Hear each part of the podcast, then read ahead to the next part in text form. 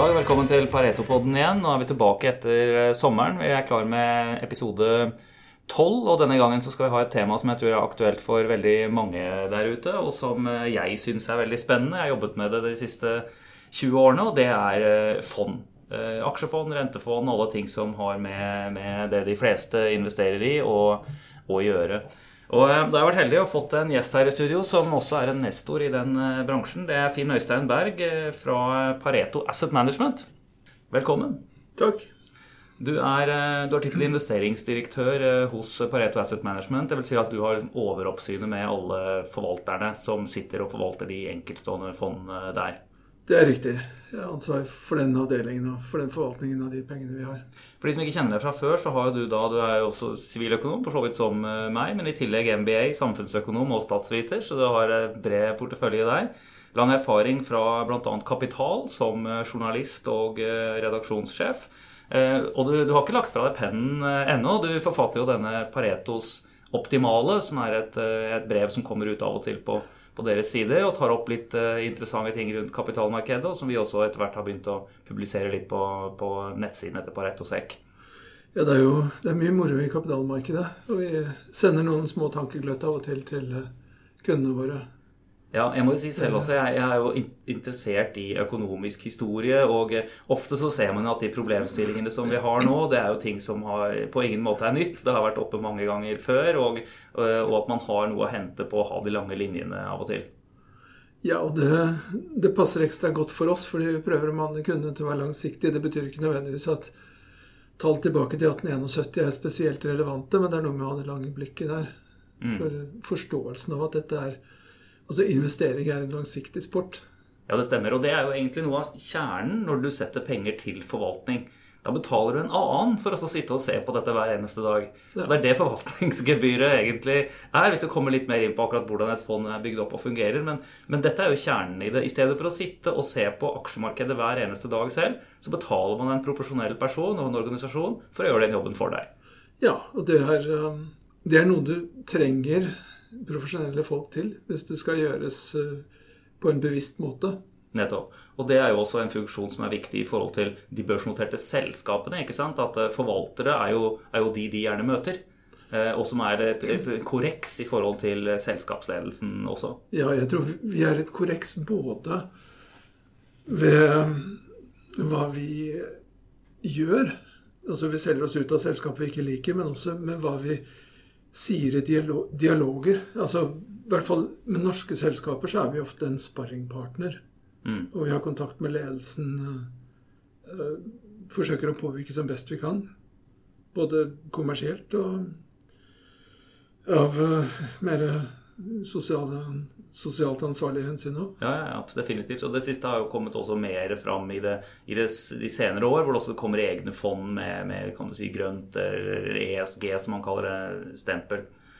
Men hvis vi begynner litt på begynnelsen, et, et fond, hva det, hva det, egentlig er, eh, så, så, er jo det en, en, egen juridisk enhet. Dette er jo regulert i lov om verdipapirfond i Norge, som da setter krav til, og som igjen er, henger på EU-regler, egentlig. Ja. Så her er det regulert eh, hvor store posisjoner du kan ha i hver enkelt aksje i fondet. Hvordan penger skal flyttes ut og inn. Hvordan andelseiere skal beskyttes. Alle de tingene der, det, det er regulert.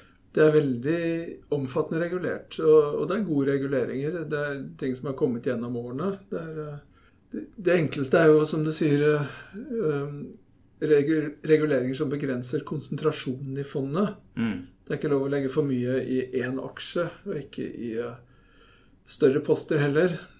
Nei, så gi et kort innblikk i det for, eh, for, de der ute, så er det vel etter den norske loven Hvis du skulle tøye den til det absolutt mest ekstreme, så kunne du vel hatt fire poster hvor du kunne hatt nesten 10% altså inntil 10 i.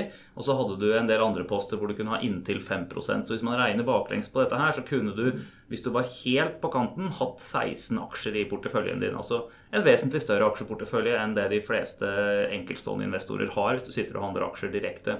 Eh, I praksis så vil det jo da være helt på alle grenser, så ingen har det. Det fins nesten ingen fond som har færre enn 30-50 aksjer. Vi har, um, vi har, noen fond med færre enn det, men ikke færre enn 20. Nei. Vi har uh, noen og 20, 23 i Pareto Global f.eks. Mm. Fordi vi får tatt ut mesteparten av diversifikasjonseffekten da. Det får man. Ja.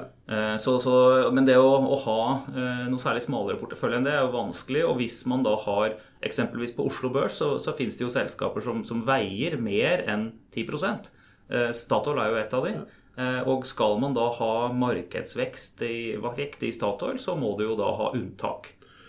Ja, eller altså De fleste fondene forholder seg til fondsindeksen på Oslo Børs som en ø, referanseindeks, og den har de samme begrensningene som fond har.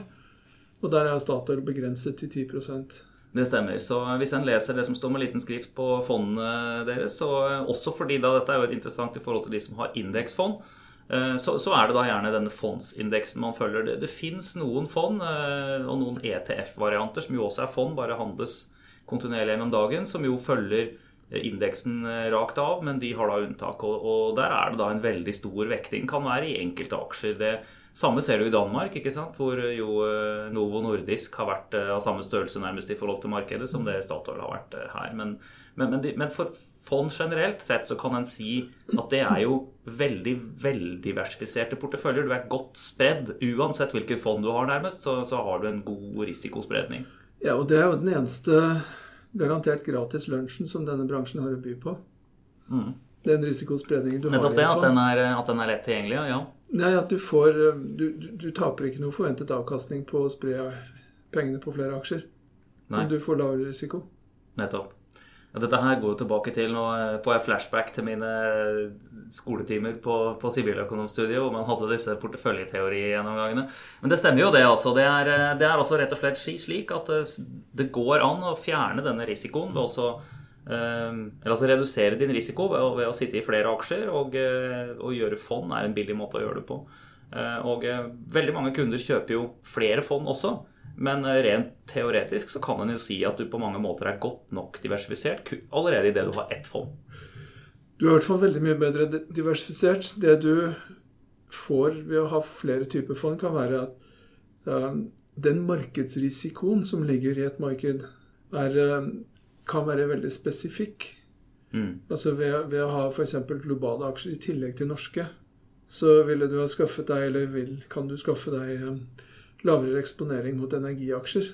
Så når f.eks. oljeprisen faller som den gjorde fra sommeren 2014, så, så ville en ytterligere portefølje i et globalfond Ja. ha redusert risikoen betraktelig. Det stemmer. Det er jo sånn at vi er energiprodusent, men eh, mesteparten av verden er jo energikjøper. Så de vil jo endog tjene på et oljeprisfall, mens vi får det motsatte. Og, eh, og man får gjerne også valutaeffektene av dette her. Så, eh, men det stemmer definitivt, og at det er mye å hente på å gå ut av landet. Og, men jeg vil jo trekke fram to ting der. Det, ene er et, et eksempel. For mange år siden, jeg begynte i bransjen, så traff jeg noen internasjonale fondsforvaltere eh, fra et selskap som den gang het Commercial Union. Jeg tror det er blitt fusjonert inn i noen andre ting etter hvert. Men eh, forvalteren av Verdensfondet Demstad han sa følgende til meg, og det har jeg aldri glemt. Jeg følger 15 markeder i Europa, sa han. Og da er Norge det 15. Så vi er små, vi er et lite marked. Eh, Oslo Børs samlede børsverdi er 0,32 av verdens aksjer, sist jeg regna på det for et års tid siden. Så det er det ene. Men, men det andre er at eh, man trenger ikke gå så langt for å få den gode diversifiseringen. Norden er på mange måter langt nok. Vi har fire økonomier her, eh, fem hvis man tar med Island og sånne ting også, men, men som er eh, veldig åpne økonomier og integrert i verdensøkonomien. Veldig velregulerte markeder, og som til sammen er relativt store. Vi er, vi er gode komplementer. Det er faktisk sånn at Hvis du er en norsk investor og putte pengene i Sverige, så har du egentlig bedre diversifiseringseffekt av det enn om du putter pengene i verdensindeksen. Mm. Fordi Sverige er tunge der vi ikke er det omvendt. Så vi, vi kompletterer hverandre veldig godt. Det stemmer. Det er, det er veldig, eh, man kommer veldig langt med Norden. Og det henger jo også litt sammen med, med deres fond. Vi kommer litt tilbake til det etterpå, men, men dere har mange fond med, med Norden-mandat. Både Norge, Norden og, og globalt. Ja, Det er ja. de tre Men hvis vi først tar og maler litt med bred penn her og, og ser på, på ok, fond Vi har snakket om at det er, eh, det er regulert eh, etter loven, sånn at eh, man behøver ikke bekymre seg noe spesielt over det. Det er relativt mange aksjer i hver portefølje. Men man har jo ulike typer fond. Jeg skal ikke gå veldig i detalj på det, men, men det ene er jo åpenbart aksjefond. De har aksjer. Rentefond, der er det litt annerledes. Kan, kan du gi et overblikk der? Liksom, hvilke hovedtyper er det man har innen, innen rentefondene? Det er jo en skalering i henhold til risiko der òg. Hvor, hvor, man har eh, pengemarkedsfond, typisk, i den ene enden, som gir deg litt bedre rente enn i banken. Ja, for det, det er dette korte markedet hvor, hvor, bankene låner penger seg imellom, rett og slett, og uh, som også er regnet som, som svært sikkert. Ikke, ja, altså, ikke, ikke det mm. tradisjonelle mm. pengemarkedet, sånn hvis du mm. hører om pengemarkedsrenten, men, men, uh, men, vi kaller det pengemarkedsfond. Jeg tror bransjen gjerne gjør det, sånn som Pareto, Pareto likviditet, mm. som, som, har en svært begrenset risiko, stort sett. Det, det er utlån til andre banker. Det er ikke, det, det er ikke de korte utlånene som som du har i forhold til Nei, det er ikke en overlatte liksom. Mm.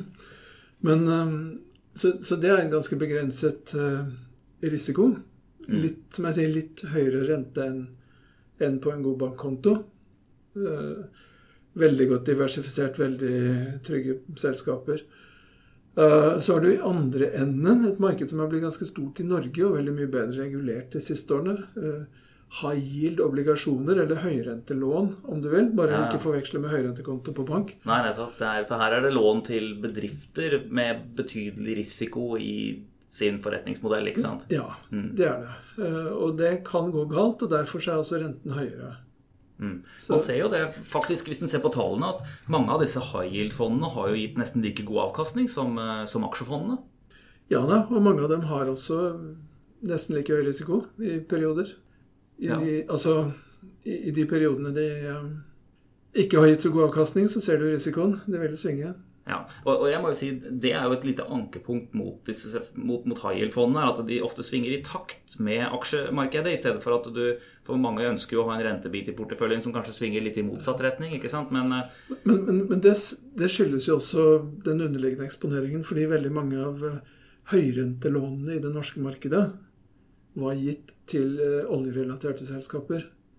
Og når også aksjene på børsen var, eh, hadde en, en, høy vekt av oljerelaterte selskaper, så svingte de nødvendigvis i takt. Så vi har f.eks. jobbet veldig mye med å diversifisere våre, våre high yield-fond på obligasjonssiden ut av energi. Mm. Og, og spre det veldig mye bedre på flere bransjer. Men uansett så sitter man jo i en uh, sikrere posisjon i et high yield-fond enn et uh, aksjefond, om de går mot samme sektor også, fordi du sitter og eier selskapenes gjeld og ikke egenkapital, og har da prioritet foran om du skulle havne i, i problemer, rett og slett. Så, ja, ryker selskapet, så ryker aksjene først. Mm.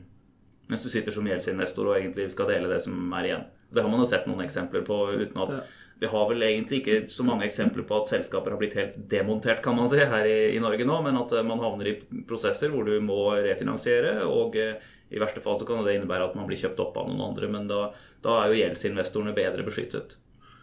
Det er de. Selv om det blir en forhandlingsløsning ofte.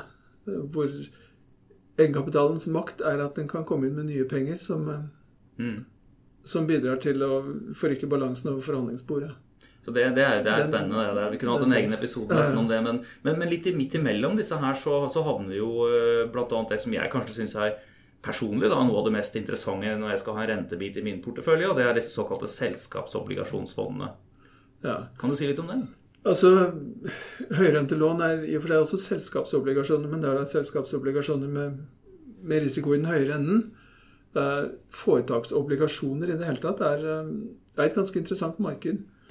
Eh, man går da på en måte forbi bankene og låner direkte til selskapene. Det kan være alt fra tungvektere som Orkla i, i den ene enden, eller i hvert fall i den tryggere enden. Eller, eller mm. banker er jo også foretak, for så vidt. De, de, har mange obligasjoner ute. Til da mer prosjektrelaterte energisatsinger i Nordsjøen. Det er ikke så mange rene prosjektlån igjen som det var for ti år siden. Mange av dem slet jo Det, det var der markedet startet. Mm. Men felles er jo at dette her er bedrifter som er relativt sikre betalere, eh, men som allikevel gir deg en rente som er vesentlig høyere enn bankrenta. Altså det ofte man har sett på en del av disse lånene, er jo i størrelsesorden 5-6 rente, der hvor vi ligger nå. Ja, Veldig mange av disse låntakerne, og veldig mye mer av lånene i volum, er jo i det området. Mm. Så har man, og det er verdt å nevne også innenfor rentefond, et stort marked internasjonalt, og eh, som tradisjonelt har vært betydelig for de som også kjøper rentefond her i Norge, er jo disse statslånene. Mm. Men der har det jo ofte, syns jeg, så tar man jo en betydelig renterisiko gjennom at du sitter og låner ut veldig langt. Og skulle renta da tikke opp, noe den jo ikke har gjort de siste 20 årene, men, men, skulle den gjøre det, nå er vi på et veldig lavt nivå, kanskje man kommer inn i en annen fase, så er jo ikke det det beste stedet å være. Og mange av foretaksobligasjonene i Norge har flytende rente. Ja. Så interessant nok, selv om du har en foretaksrisiko, så har du lavere renterisiko enn du har på, på det som ofte betegnes som risikofritt, altså tyske statslån f.eks. Mm.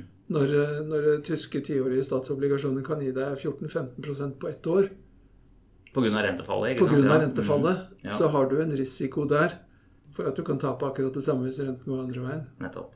Nei, så det der er, Jeg må jo si i hvert fall at jeg syns det er et, et, interessant sted å plassere litt eh, penger hvis en skal ha noe ut av, eh, av aksjer, og det er altså selskapsobligasjonsfondene. Det er en grei balanse mellom avkastning og risiko, syns jeg, i, i de. Men eh, det er jo sånn at noen liker det ene, og noen liker det andre. Så. Ja, da.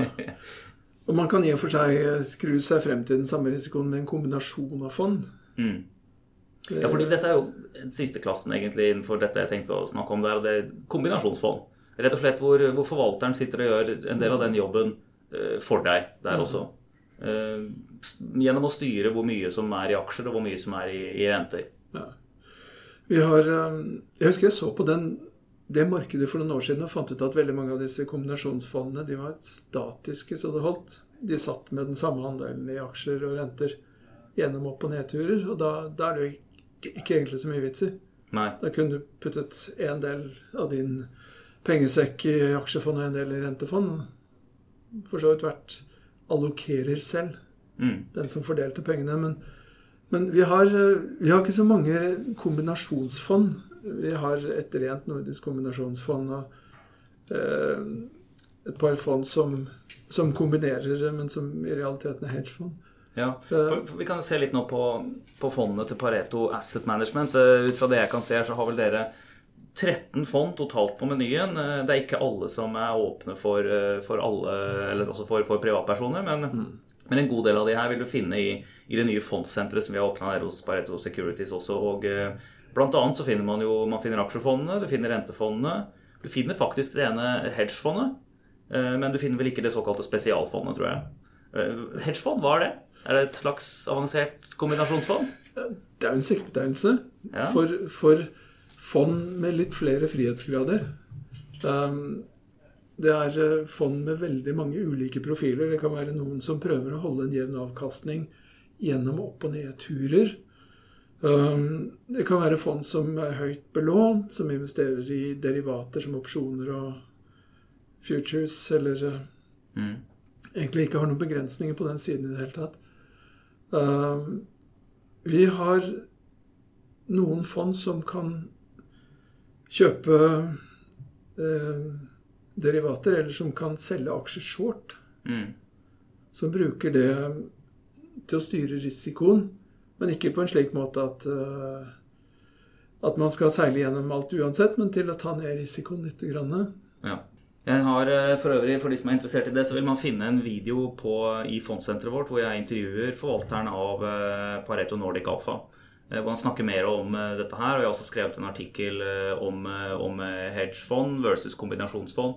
Hvor man går litt mer i dybden på, det, på dette her. Men, for jeg syns det er en interessant, det er en interessant fondstype for de som ønsker en, en kanskje jevnere avkastning over tid på, på fondet sitt.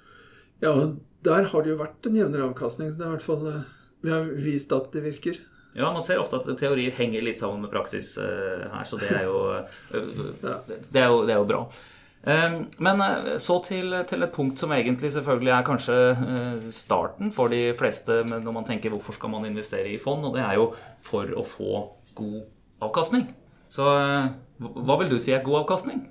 Ja, Det spørs jo på risikoen. Men om du får en, et eller annet sted i nærheten av 10% på lang sikt, og har tatt risiko for at det svinger i mellomtiden, så, syns jeg det bør være veldig greit. Ja, og, og 10% ca. er jo et sånt tall som, som, går igjen mye også. Nå, nå, kan man jo, og det kommer vi helt sikkert til å gjøre, skrive i mer detalj om dette her fremover. Men eh, jeg har tatt ut noen tall i, i forkant av denne, her, dette, denne episoden hvor jeg så på så langt jeg hadde tall bakover på verdensindeksen. Og jeg har sett ulike tall der fra, fra andre som har sett på verdensindeksen, men ofte så havner, havner den et sted litt over 6% 6-6,5% Det er liksom det som på en måte er tomgangstakten i, i verdens samlede kapitalmarked. De tallene jeg har her nå, er fra, fra 2003 og fram til, til nå. Eh, der det er best data, er jo på SNP 500 i eh, USA, hvor man har tall tilbake til, eh, til 1871, altså nesten 150 år nå. Og ser man på det, og hadde da reinvestert utbyttene sine hvert eneste år, så hadde det havnet med i overkant av 9% avkastning, om man ser helt tilbake til 1871, årlig. Og nesten 11% hvis du hadde sett i perioden etter krigen. Det som er ganske morsomt med det der, sånn er at du kan dekomponere risiko i to ting. Det er selskapsrisiko, så er det prisingsrisiko. Altså én, hvordan går det med selskapet? Og to, hvordan priser børsen den aksjen? Mm. Uh, og hvis du ser på hvordan det er gått for selskapene i den amerikanske indeksen, som da er tilbakeregnet i 1871, så har ikke de 500 selskapene under ett, vurdert som liksom ett sånn uh, toppkonsern, gått med underskudd i noe år. Nei. Det er et godt poeng. Aldri mm. har de 500 selskapene til sammen tapt penger. Altså derfor jeg nesten blir irritert når jeg ser det der Ja, det har kommet opp, da må det komme ned, liksom. Og inntil tre vokser inn i himmelen og alt mulig. Jo, dette her vokser faktisk inn i himmelen så lenge det er økonomisk aktivitet på jorda, og det går rundt og rundt. Ja. Så, så, og det er jo også det at eh, denne tomgangstakten, eller kan du si det som er en underliggende trend, det er vel det korrekte faglige ordet på det, ligger jo ofte rundt 10 Eh, og det ser vi også fra andre siden nede hos oss, som sitter og analyserer disse selskapene. at Det henger jo ofte sammen med at rundt der ligger den forventede kapitalkostnaden til eierne. Ja, og altså dette er så enkelt som at den avkastningen du får på lang sikt, den gjenspeiler den avkastning som de selskapene du investerer i, får. Så hvis de får en avkastning på egenkapitalen over 50 år som er 10 så skal det godt gjøres at prisingen på slutten og starten av 50-årsperioden forrykker det tallet veldig. Mm. Vi får en avkastning som er i nærheten av de 10 prosentene. Og det er verdt å merke seg også at eh, Klarer man å få 10% årlig, så vil du jo doble pengene dine hvert sjette-sjuende år. eller noe der omkring. Så det, det, er svær, det, er en svært god avkastning når du får rentes-renteeffekten på sikt. Den er veldig god. Jeg tror de færreste er i stand til å danne seg et sånt intuitivt bilde av rentes-renteeffekten. Den er veldig, veldig sterk. Ja, Sitter man og regner på det, så er det, jo, er det jo ekstremt. Jeg har jo hørt eksempler på folk som har ønsket å lage et slags generasjonsfond for sin familie. Mm. Hvis du setter inn eh, La oss si du setter inn 100 000 nå, og så sier du at eh, neste generasjon skal ikke ta noen ting av det, men det skal stå der bare og forente seg og forente seg forente seg til generasjonen deretter igjen. Mm. Så, så, blir det helt astronomiske summer av det, men det er jo ingen som klarer det. Så jeg tror de fleste har et litt kortere, et litt kortere syn på dette her. Men sånn sett er jo Ideen om et barnefond er god, bortsett fra at den burde inneholde akkurat de samme aksjene som du ellers skulle ha. Så det er timingen. De, la oss si gi fond i dåpsgave. er perfekt. Ja, ja. Jeg, jeg, regnet på det faktisk en gang jeg for moro skyld at hvis du, hvis du, tok barnetrygden for barnet ditt fra det var født og til det var 18, og bare satte det inn, og så lot det stå uh, altså Man betalte bare inn i de 18 årene. Så satte man det inn, og så lot man dette her utvikle seg i tråd med det indeksen har gitt de, de foregående år, da, uh, og lar det stå til pensjon så ville du hatt uh, i størrelsesorden en kvart milliard kroner når du skulle pensjonere deg. Så, okay. så det, men det, det, det, er, det er et, eh, et, morsomt tall. Men, eh, men, da får man en lange nok tidsserier til at du får den rentes renteeffekten. Men, men uansett, poenget for de fleste der ute er jo å, å, å sette Setter du sparepengene dine i aksjefond, så er, setter man det inn i produktiv virksomhet. Du er med og eier en bit av næringslivet, og du får på sikt, den kapitalavkastningen som du ser i næringslivet. Og den, den er i lange tidsserier ofte rundt 10% I perioder mye bedre, perioder dårligere. Svinger dette her, men, eh, men god er den. Ja, ikke sant? Altså, du får avkastning på Orkla fordi de produserer pizza og supper. Ikke fordi renten går opp eller ned eller konjunkturene svinger. Mm. Det stemmer. Um, hvis du skal Eller hva, hva, ser man altså når folk bygger opp porteføljer av, eh, av eh, fond? Eh, hvordan skal man tenke? Du skal i alle fall ikke la deg um, rive med av um, hva skal jeg si, stemningsbølger. Vi, ser ofte at de som har flere fond hos oss, de skifter til feil fond på feil tidspunkt. Hvis det har gått bra i Norge, så går de ut av globale fond og inn i Norge, og, og, og omvendt. Altså der, um, det investeres veldig mye medsyklisk Mm. Eh, Så det er i hvert fall et, eh, et godt poeng å passe på. Ja, jeg tror det er et veldig godt poeng. Eh, Vi ser jo at avkastningen for aksjefond generelt er veldig mye lavere enn for markedet. For de samme fondene, altså for, for aksjefond med norsk mandat, så har andelseierne fått veldig mye lavere avkastning enn enn det norske aksjemarkedet har gitt. Og det skyldes ikke at fondene har gjort det dårligere. For Det skyldes timingen, rett og slett. Det skyldes eh, timingen. Ja. Mm. de har mistet et par prosentpoeng i året. Og du kan si det er urettferdig, for da sammenligner jeg med, med å investere fullt i starten med hva de har gjort underveis. Ja. Men hvis de hadde spredd pengene underveis, hvis, de, hvis du hadde tatt summen av alt det de hadde investert, og fordelt det på like beløp hvert år, så hadde de fått akkurat børsavkastning. ja, nettopp. Det er litt tilfeldig at det blir akkurat børsavkastning, for det avhenger av hvordan børsen beveger seg underveis. Men, men du hadde kommet helt på børsavkastningen. Mm. Fra 95, hvor det er statistikk eh, i Verdipapirfondets forening. Mm. Hvis man skal være litt normativ her da, og beskrive hva folk burde gjøre, så, så, så syns jo jeg det er, det, er, det er to poeng jeg gjerne liker å få fram der. Det ene er at man må, når man starter med sparing i fond, så bør man skaffe seg en god struktur og en plan. Eh, hvor du eksempelvis sprer deg på, på norske og internasjonale fond, kanskje litt i rentefond. Det er det jeg gjør. Jeg gjør det på den eh, måten. Ja. og så kan man da, hvis ting utvikler seg veldig skjevt etter hvert, heller rebalansere litt, men i tråd med den, eh, den strategien. Eh, og så kan man da det, Og det er egentlig det jeg på en måte i hovedsak vil, vil anbefale til noen. Eh, så er det jo sånne som meg, som er litt over snittet interessert, da, som kanskje kan prøve seg på litt market timing i, i tillegg. Men, men da har jeg heller av og på i forhold til den totale strukturen. Og så er jeg også klar over at man må ha en, en sterk regel for, hvor, for når du skal eventuelt øke og redusere den, den risikoen. Og det viktige her er jo å ikke bli redd i oppgangsperioder, men å, men å få med seg så mye som mulig av, eh, av den.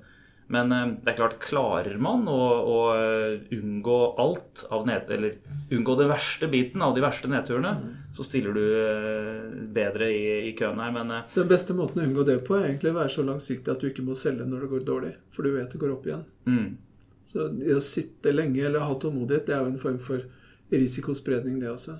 det stemmer. Det er en måte å gjøre det på. Mm.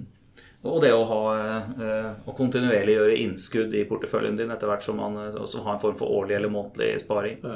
det er jo alltid eh, bra. Men det er godt poeng å spre risikoen på flere typer aktiva, som du sier. Altså en blanding av rentefond og aksjefond. Mm. Så det, Og det ser man jo på oljefondet, og og for den saks skyld Folketrygdfondet, som jo begge er aktører som, som forvalter enormt store porteføljer, og som har gjort dette profesjonelt over, over mange år, og med relativt gode, eller veldig gode resultater. ja, og de har vært veldig disiplinerte og ikke mistet motet når det har gått dårlig i aksjemarkedet, f.eks. Da har de lastet opp med aksjer isteden. Ja. Fordi de har hatt en norm om hvilken aksjeandel de skulle ha. Og da har, de, da har den disiplinen gjort at de har kunnet gjøre det motsatte av det, alt det andre.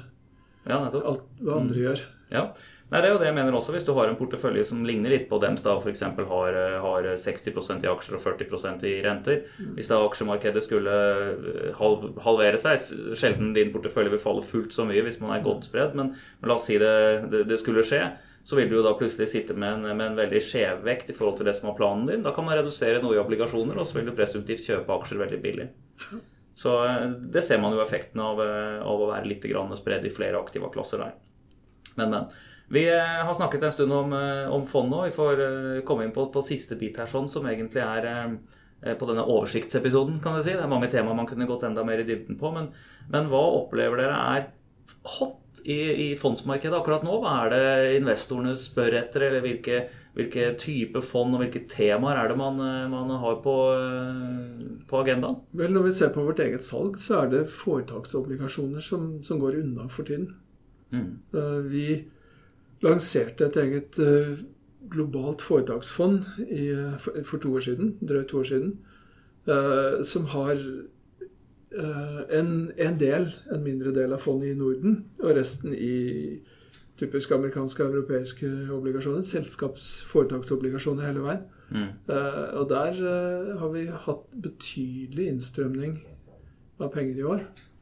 Uh, og vi ser også interesse for et nord rent nordisk foretaksobligasjonsfond som vi har. Ja, for dere har begge deler der sånn. Og det. Dette er jo det som vi snakka litt om i, i stad, og som jeg jo syns er er et, et godt valg. Liksom sånn, eh, man, man, dette svinger litt mer enn en del av de andre rentefondene, men må si, altså, man sier det svinger litt mer enn et, enn et, eh, enn et eh, annet rentefond, men, men, det svinger jo mye mindre enn et aksjefond, selvfølgelig. Ja, ja. og du får jo, det som, det som, skjer her, er at denne porteføljen av lån det tikker jo inn rentepenger hver eneste måned. ikke sant? Så, så man, man, man, har jo en helt annen buffer her. Sånn, disse kortsiktige svingningene i et slikt fond er jo egentlig eh, markedets risikopremie sine, sine, svingninger, som man ser. Mm.